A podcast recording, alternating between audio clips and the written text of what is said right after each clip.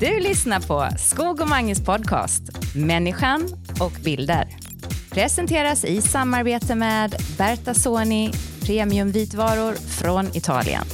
För dig som söker design av yttersta klass, exklusiva materialval och funktionalitet utöver det vanliga.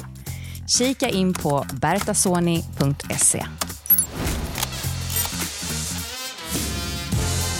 Ja, välkomna till avsnitt nummer 36 utav podcasten Människan och bilder med Skog och Mange.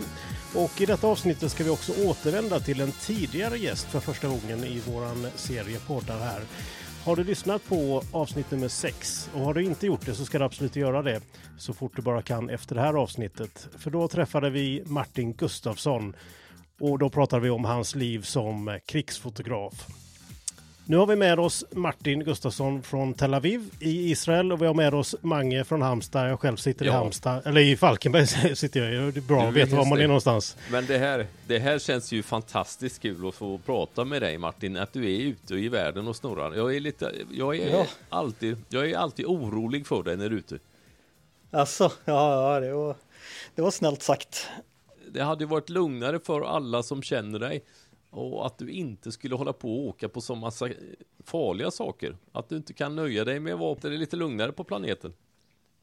Ja, men av någon outgrundlig anledning så vill de ju inte skicka iväg mig till de här lugnare ställena utan de skickar ju iväg mig till, ja, nu Israel då.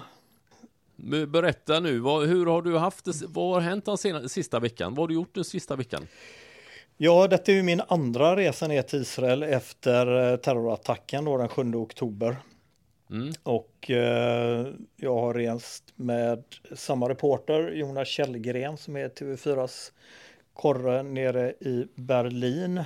Ehm, och eh, på våran första resa så åkte vi ju så långt ner mot Gaza eh, vi kunde göra. Och då var det ju innan eh, israeliska militären hade gått in i Gaza. Och eh, vi kunde då skildra upptrappningen eh, av det krig som sedan började. Eh, och eh, nu har vi ju då varit återigen nere i, Gazaremsan eh, och kunnat mestadels höra hur kriget pågår. Det är ju svårt att få, det är helt omöjligt egentligen att få tillträde till Gaza om man inte då blir eh, inbäddad med IDF, då den eh, israeliska militären, som vissa då kollegor har blivit, eh, så vi har varit lite avundsjuka eh, på det. Um, men de har ju då prioriterat Ja, jo, men det blir man ju, för det är ju, ja, alltså vi vill ju in och kunna se med egna ögon den förödelsen som eh, är där. Eh, samtidigt som man kanske då skulle ha möjlighet att, ja, jag tror inte man skulle ha någon möjlighet att kunna prata med några palestinier för de är ju inte där utan man har ju kommit till utkanten tillsammans med israeliska soldater. Ehm, och eh, de tv-bolag som har blivit insläppta det är ju de stora drakarna, eh, CNN, ABC, CBS, BBC och ja, inte då lilla TV4 även om vi har legat på eh, både en, två, tre gånger eh, hos våra kontakter inom IDF eh, att få följa med in. Men hur, hur går det till och är det någonting för att betala de pengar, är det muta de säger in då? Med, eller- Nej, det, nej, det alltså- handlar bara om att hur många tittare man har i, i, på sin tv-kanal. Ja, liksom. ja, precis. Jag menar det, det är ju svårt för oss på TV4 att konkurrera med de här jättebolag, amerikanska jättebolagen. Så, och i och med att Israel och USA har ett eh, tätt samarbete i mycket annat så låter ju israelerna först och främst då amerikanerna eh, komma Ja. in och fö- följa med dem in. Så sen Mm, är det ju Reuters, eh, AP, de här ja, stora eh, Mm. nyhetsbolagen som får Mm. som får mm. följa med in och dela de bilderna de tar då med resten av världen. Men du tänker ändå, du tänker ändå Martin att du vill av någon anledning då in och visa och filma förödelsen. Det, det vill du verkligen. Du tycker att det är bara jobbigt att inte komma tillräckligt nära nu då? Ja, alltså jag vill ju inte in i några sådana tunga stridigheter och det skulle vi ju aldrig hamna i heller om man nu skulle vara eh, tillsammans med eh, israeliska armén för de, de tar ju ändå till utkanterna av eh, Gazaremsan och de första husen som eh, man kan nå då. Eh, och längre än så släpper de ju inte in en av säkerhetsskäl.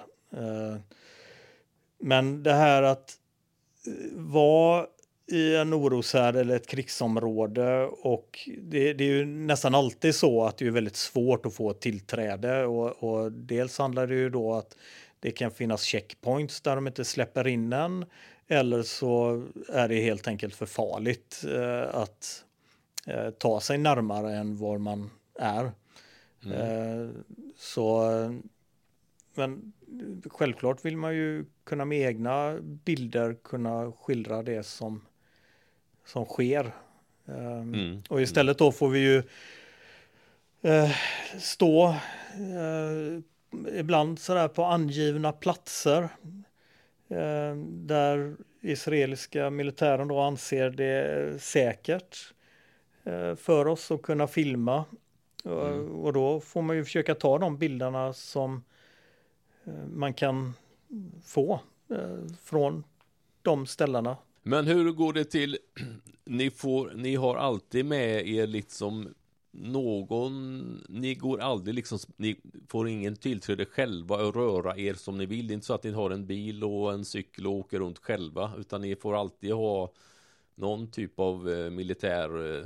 Nej, nej, det, nej, nej, alltså vi rör oss så mycket ensamma och själva vi kan tillsammans med en fixare vi har eh, mm. här nere i Israel och då, jag menar som nu då på månadsdagen av terrorattentatet så var vi först i Tel Aviv och skildrade en eh, tyst minut eh, som hölls här eh, vid det här stora torget där de då har ställt upp över 200 sängar för att eh, skildra de här som är tagna som gisslan. Mm. Eh, och så plockade vi eh, röster där och sen så begav vi oss ner då mot eh, Gazaremsan. Och då är det ju mer eller mindre helt öde i de här små samhällena som ligger närmast eh, Gaza. För alla de människorna har ju evakuerats och många av dem eh, har ju, blev ju då drabbade av Hamas eh, terrorattack då den 7 oktober. Mm. Eh, och väldigt många av dem bor faktiskt på det hotellet som vi, vi bor på nu. Och, och, jag menar när man reser runt i de här helt öde områdena eh, så är ju bara det en, en liten skum känsla samtidigt som du hela tiden hör eh, hur det smäller när israeliska tanks eller flygplan då släpper sina bomber och du kan även då höra handeldvapen som skjuts eftersom det är så pass nära som ändå är. Men jag har svårt att föreställa mig den verkligheten. Vad tänker du Mattias när, när, Martin berättar att man hör, man hör att det pågår ett krig? När man, det är ju ofattbart för mig alltså.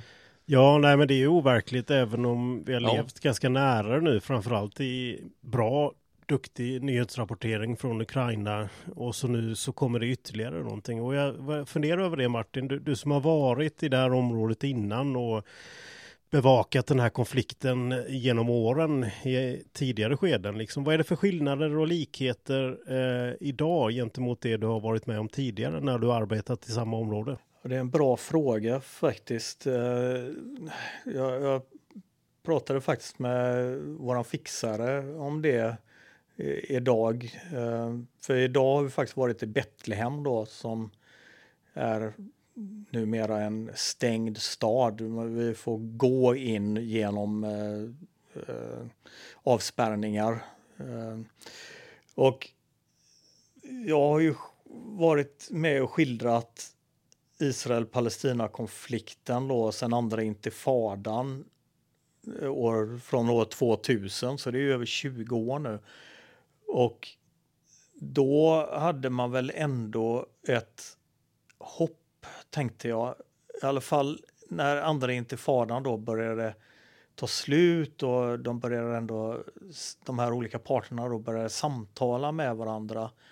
Och man kände väl kanske att det, vem vet, det kanske kan ordna sig. Men sen har det ju bara blivit de, framförallt de senaste åren bara blivit värre och värre och bosättningarna, de israeliska bosättningarna har bara ökat. Folk har då blivit mer och mer isolerade i allmänhet ute på Västbanken men i synnerhet nere i Gaza. Egentligen så har, är det ju ett effektivt sätt att göda extremism om man nu låter två miljoner människor bo på en sådan liten remsa och man har inga jobb.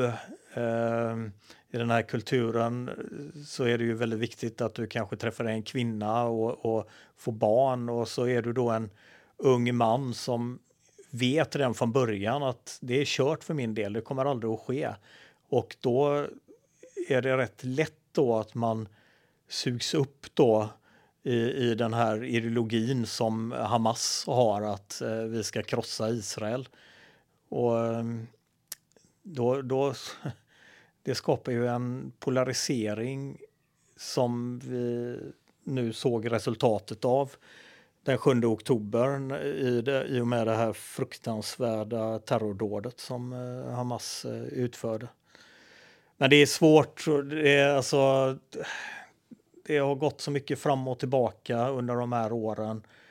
Och nu undrar man ju hur det här kommer att sluta, för någon gång kommer ju det här kriget att ta slut.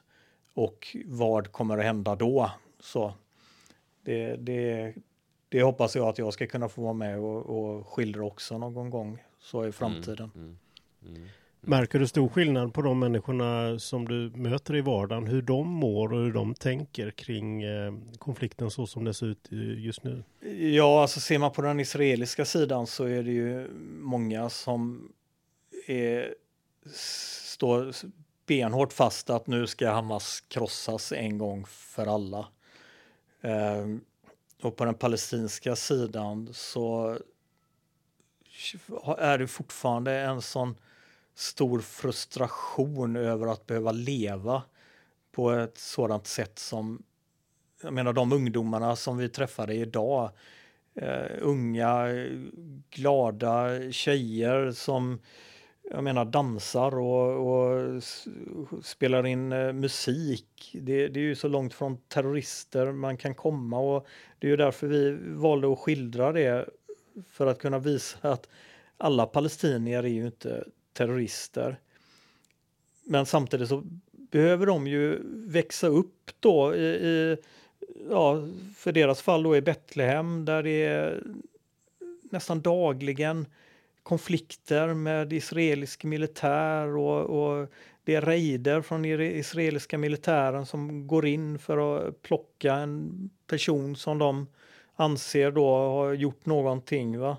Så de lever ju ständigt under en ockupationsmakt och det, det skapar ju en frustration och, och då ska vi in där och försöka skildra det på, på så bra sätt som möjligt med, med våra bilder och, och ord, våra mm. reportage. Eh, och det är ju hela tiden en jäkla utmaning. Hur tas ni emot då när ni kommer med en mikrofon och en kamera? Vill folk vara med och prata med er eller blir folk arga på media? Är det någon? De, de flesta eh, tycker ju, eller känner väl kanske ett behov av att kunna få prata. Ja, de vill visa upp och prata. Det är ju det, som är, det är ju det som oftast är så konstigt när man är i, i olika konflikthärdar så tror man kanske att människorna är jättetrötta på att eh, se, se journalister från olika delar av världen som, som kommer där med sina kameror och mikrofoner. Men förvånansvärt så, så är det väldigt många som känner att de vill berätta att det är viktigt för dem. Så, så på något sätt så fungerar man ju även som någon eh, mm. terapeut när man kommer där med, med mm. kameran och mikrofonen. Mm. Och, och just, de just. kan äntligen få ut sin eh, historia. Och sen är det ju då viktigt att man har respekt för de historierna och skildrar det bildmässigt då på, på ett bra sätt som möjligt. Mm. Uh, och, det, och det är ju där som det är en väldigt stor utmaning att, att uh, hitta den, den uh, rätta tonen i bilderna. Mm. Ja, inte minst eh, med tanke på den polarisering som jag i alla fall upplever runt om i världen kring det här. Det finns många människor runt om på internet som förväntar sig att alla människor ska ta ställning åt endera hållet. Hur agerar man och tänker man som journalist i det här? Eh, är det mycket, är det story för story eller försöker man extra mycket tänka på att det ska vara en, en bra balans här så att det blir sakligt och, och så vidare? Ja, det, det, är väldigt viktigt, eh, framförallt i, eh, i den här konflikten.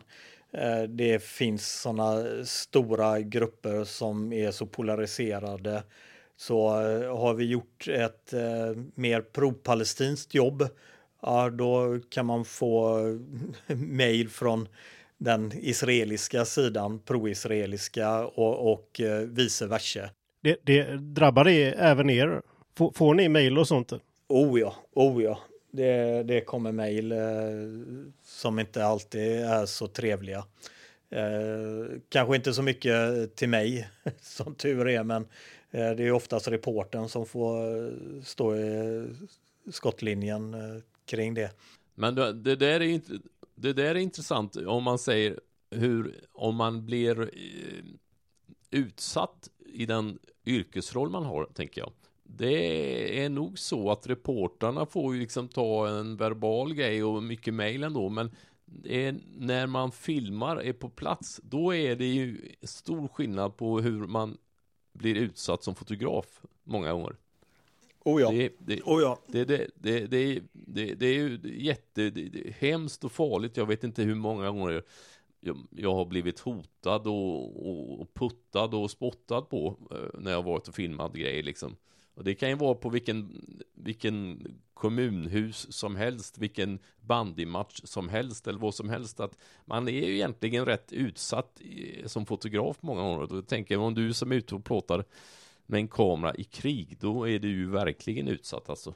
Ja, fast man är utsatt oftast på ett annat sätt. Eh, alltså oftast är det ju inte personligt just att de hoppar på nej, en nej. själv. Fast det kan, det kan ju även det hända. Mm. Precis mm. som att om man är på en eh, rättegång eh, mm. och, och, den åtalades kamrater ser en och tycker att du borde bara försvinna härifrån. Ja, och det ja, kan bli riktigt, riktigt otäckt och, och, ja. och, hotfullt och otrevligt på alla sätt och vis.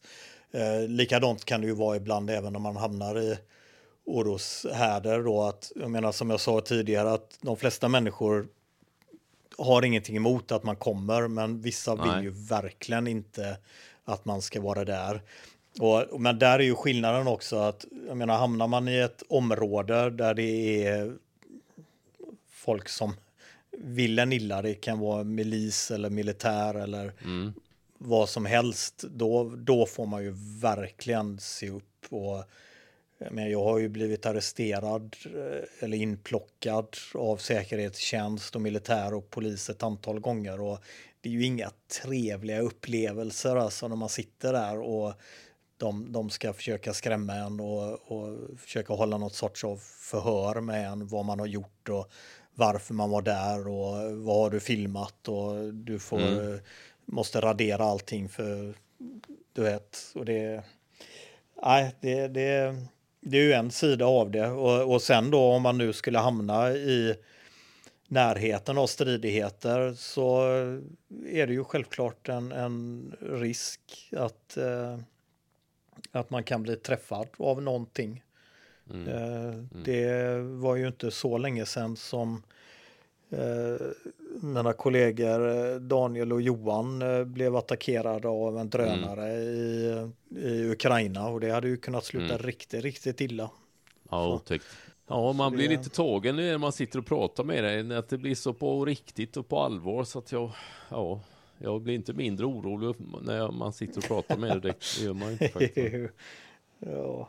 Nej, men det viktiga är ju, jag menar just om vi, om vi pratar om bilderna så, så handlar det ju om att skapa en ton. Eh, nu är det ju kanske svårt för lyssnarna, men om de har möjlighet att gå in och titta på det reportaget som vi gjorde i tisdags då den 7 november och en månad efter terrorattentatet så har vi ju då den där, där man, man får försöka hitta då den rätta tonen eftersom det är ju ändå det är en månad och det är efter det här terrordådet. Det har påverkat oerhört många människor.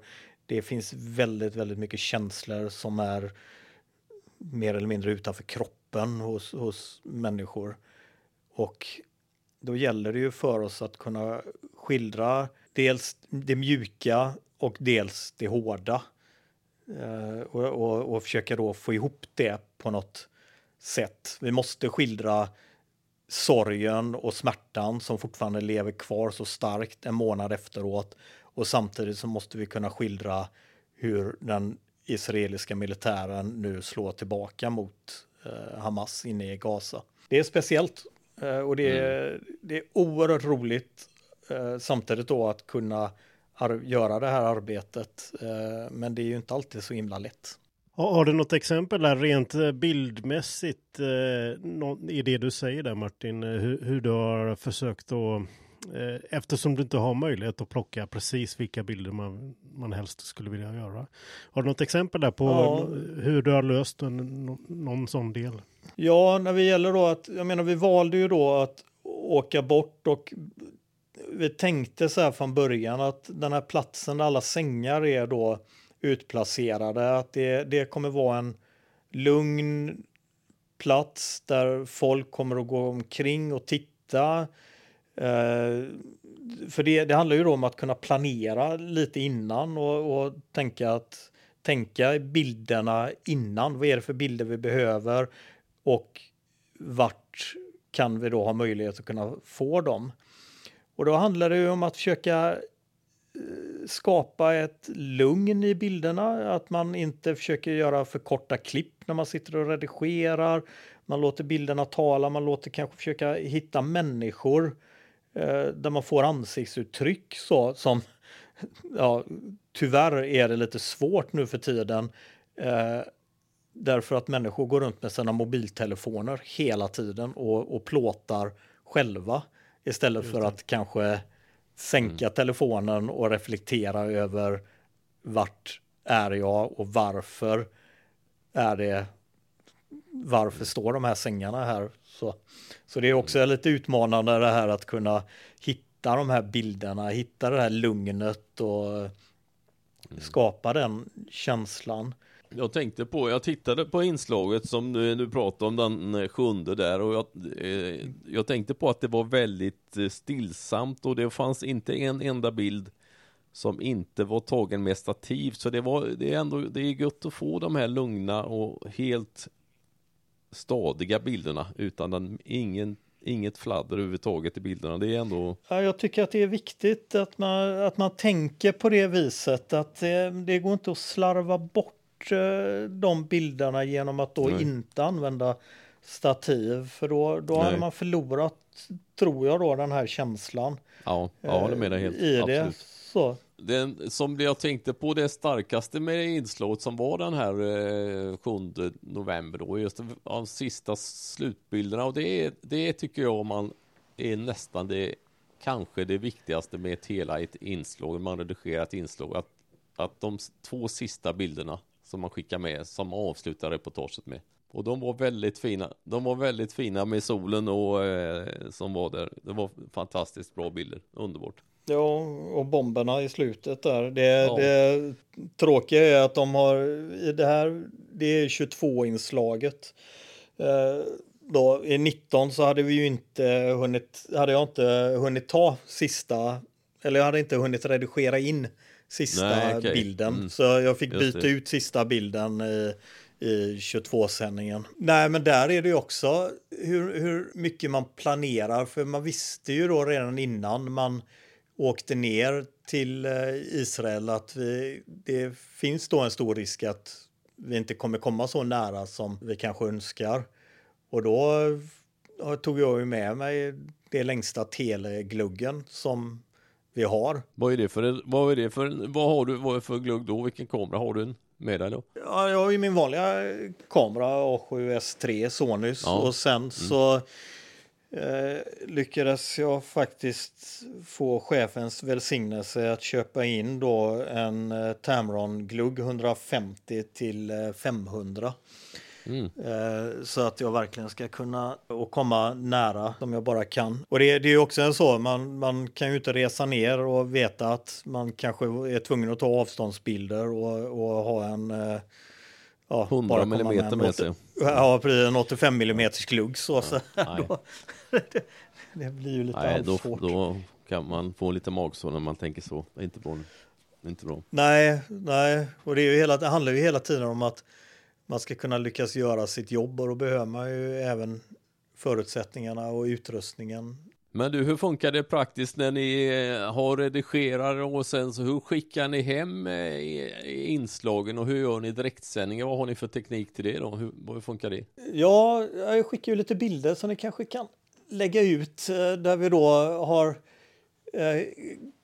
åkt några hundra meter är det egentligen bara från där jag har tagit de här bilderna över Gaza eh, och där man ser bombardemanget. Så då är det ett litet minimål eller vad man ska kalla det, shoppingcenter. Runt omkring oss är det mycket glassplitter och efter eh, Hamas bombningar. Vi sitter på parkeringsplatsen, vi har den här husen då med de här butikerna framför oss eh, som fungerar lite som ett skydd eh, mot Hamas raketer. Och bakom oss så har vi eh, ett skyddsrum. Så, så det var, vi kände att det där var en trygg plats där vi då kunde slå oss ner och redigera på. Eh, och då hittar man ju eh, sådana här plastlådor ett gäng som stod utanför en affär som vi då eh, byggde upp ett litet bord och så hittade jag en annanstans längre bort så var det faktiskt två stolar.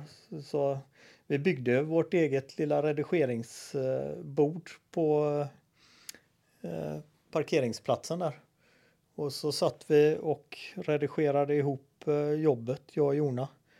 Eh, på bilden, eh, om lyssnarna går in och tittar, så ser man skyddsrummet bakom bilen. Det är ett, eh, det är ett blått hus med lite moln och någon luftballong så, för de, de försöker göra i ordning skyddsrummen och måla dem så att det inte ser ut som ett hemskt skyddsrum utan som ett litet trevligt, mysigt ställe istället.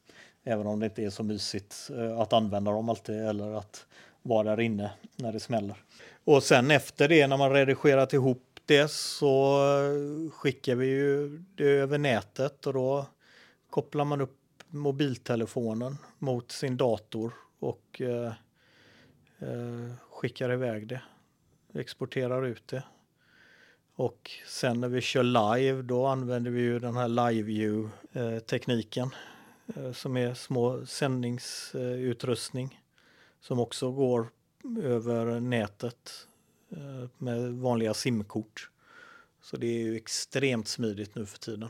Mm. Det är ju som dag och natt sen när du och jag man körde runt i den gamla länkbussen. Så, ja. när man behövde vara två pers för att, att hitta någon satellit långt uppe i himlen.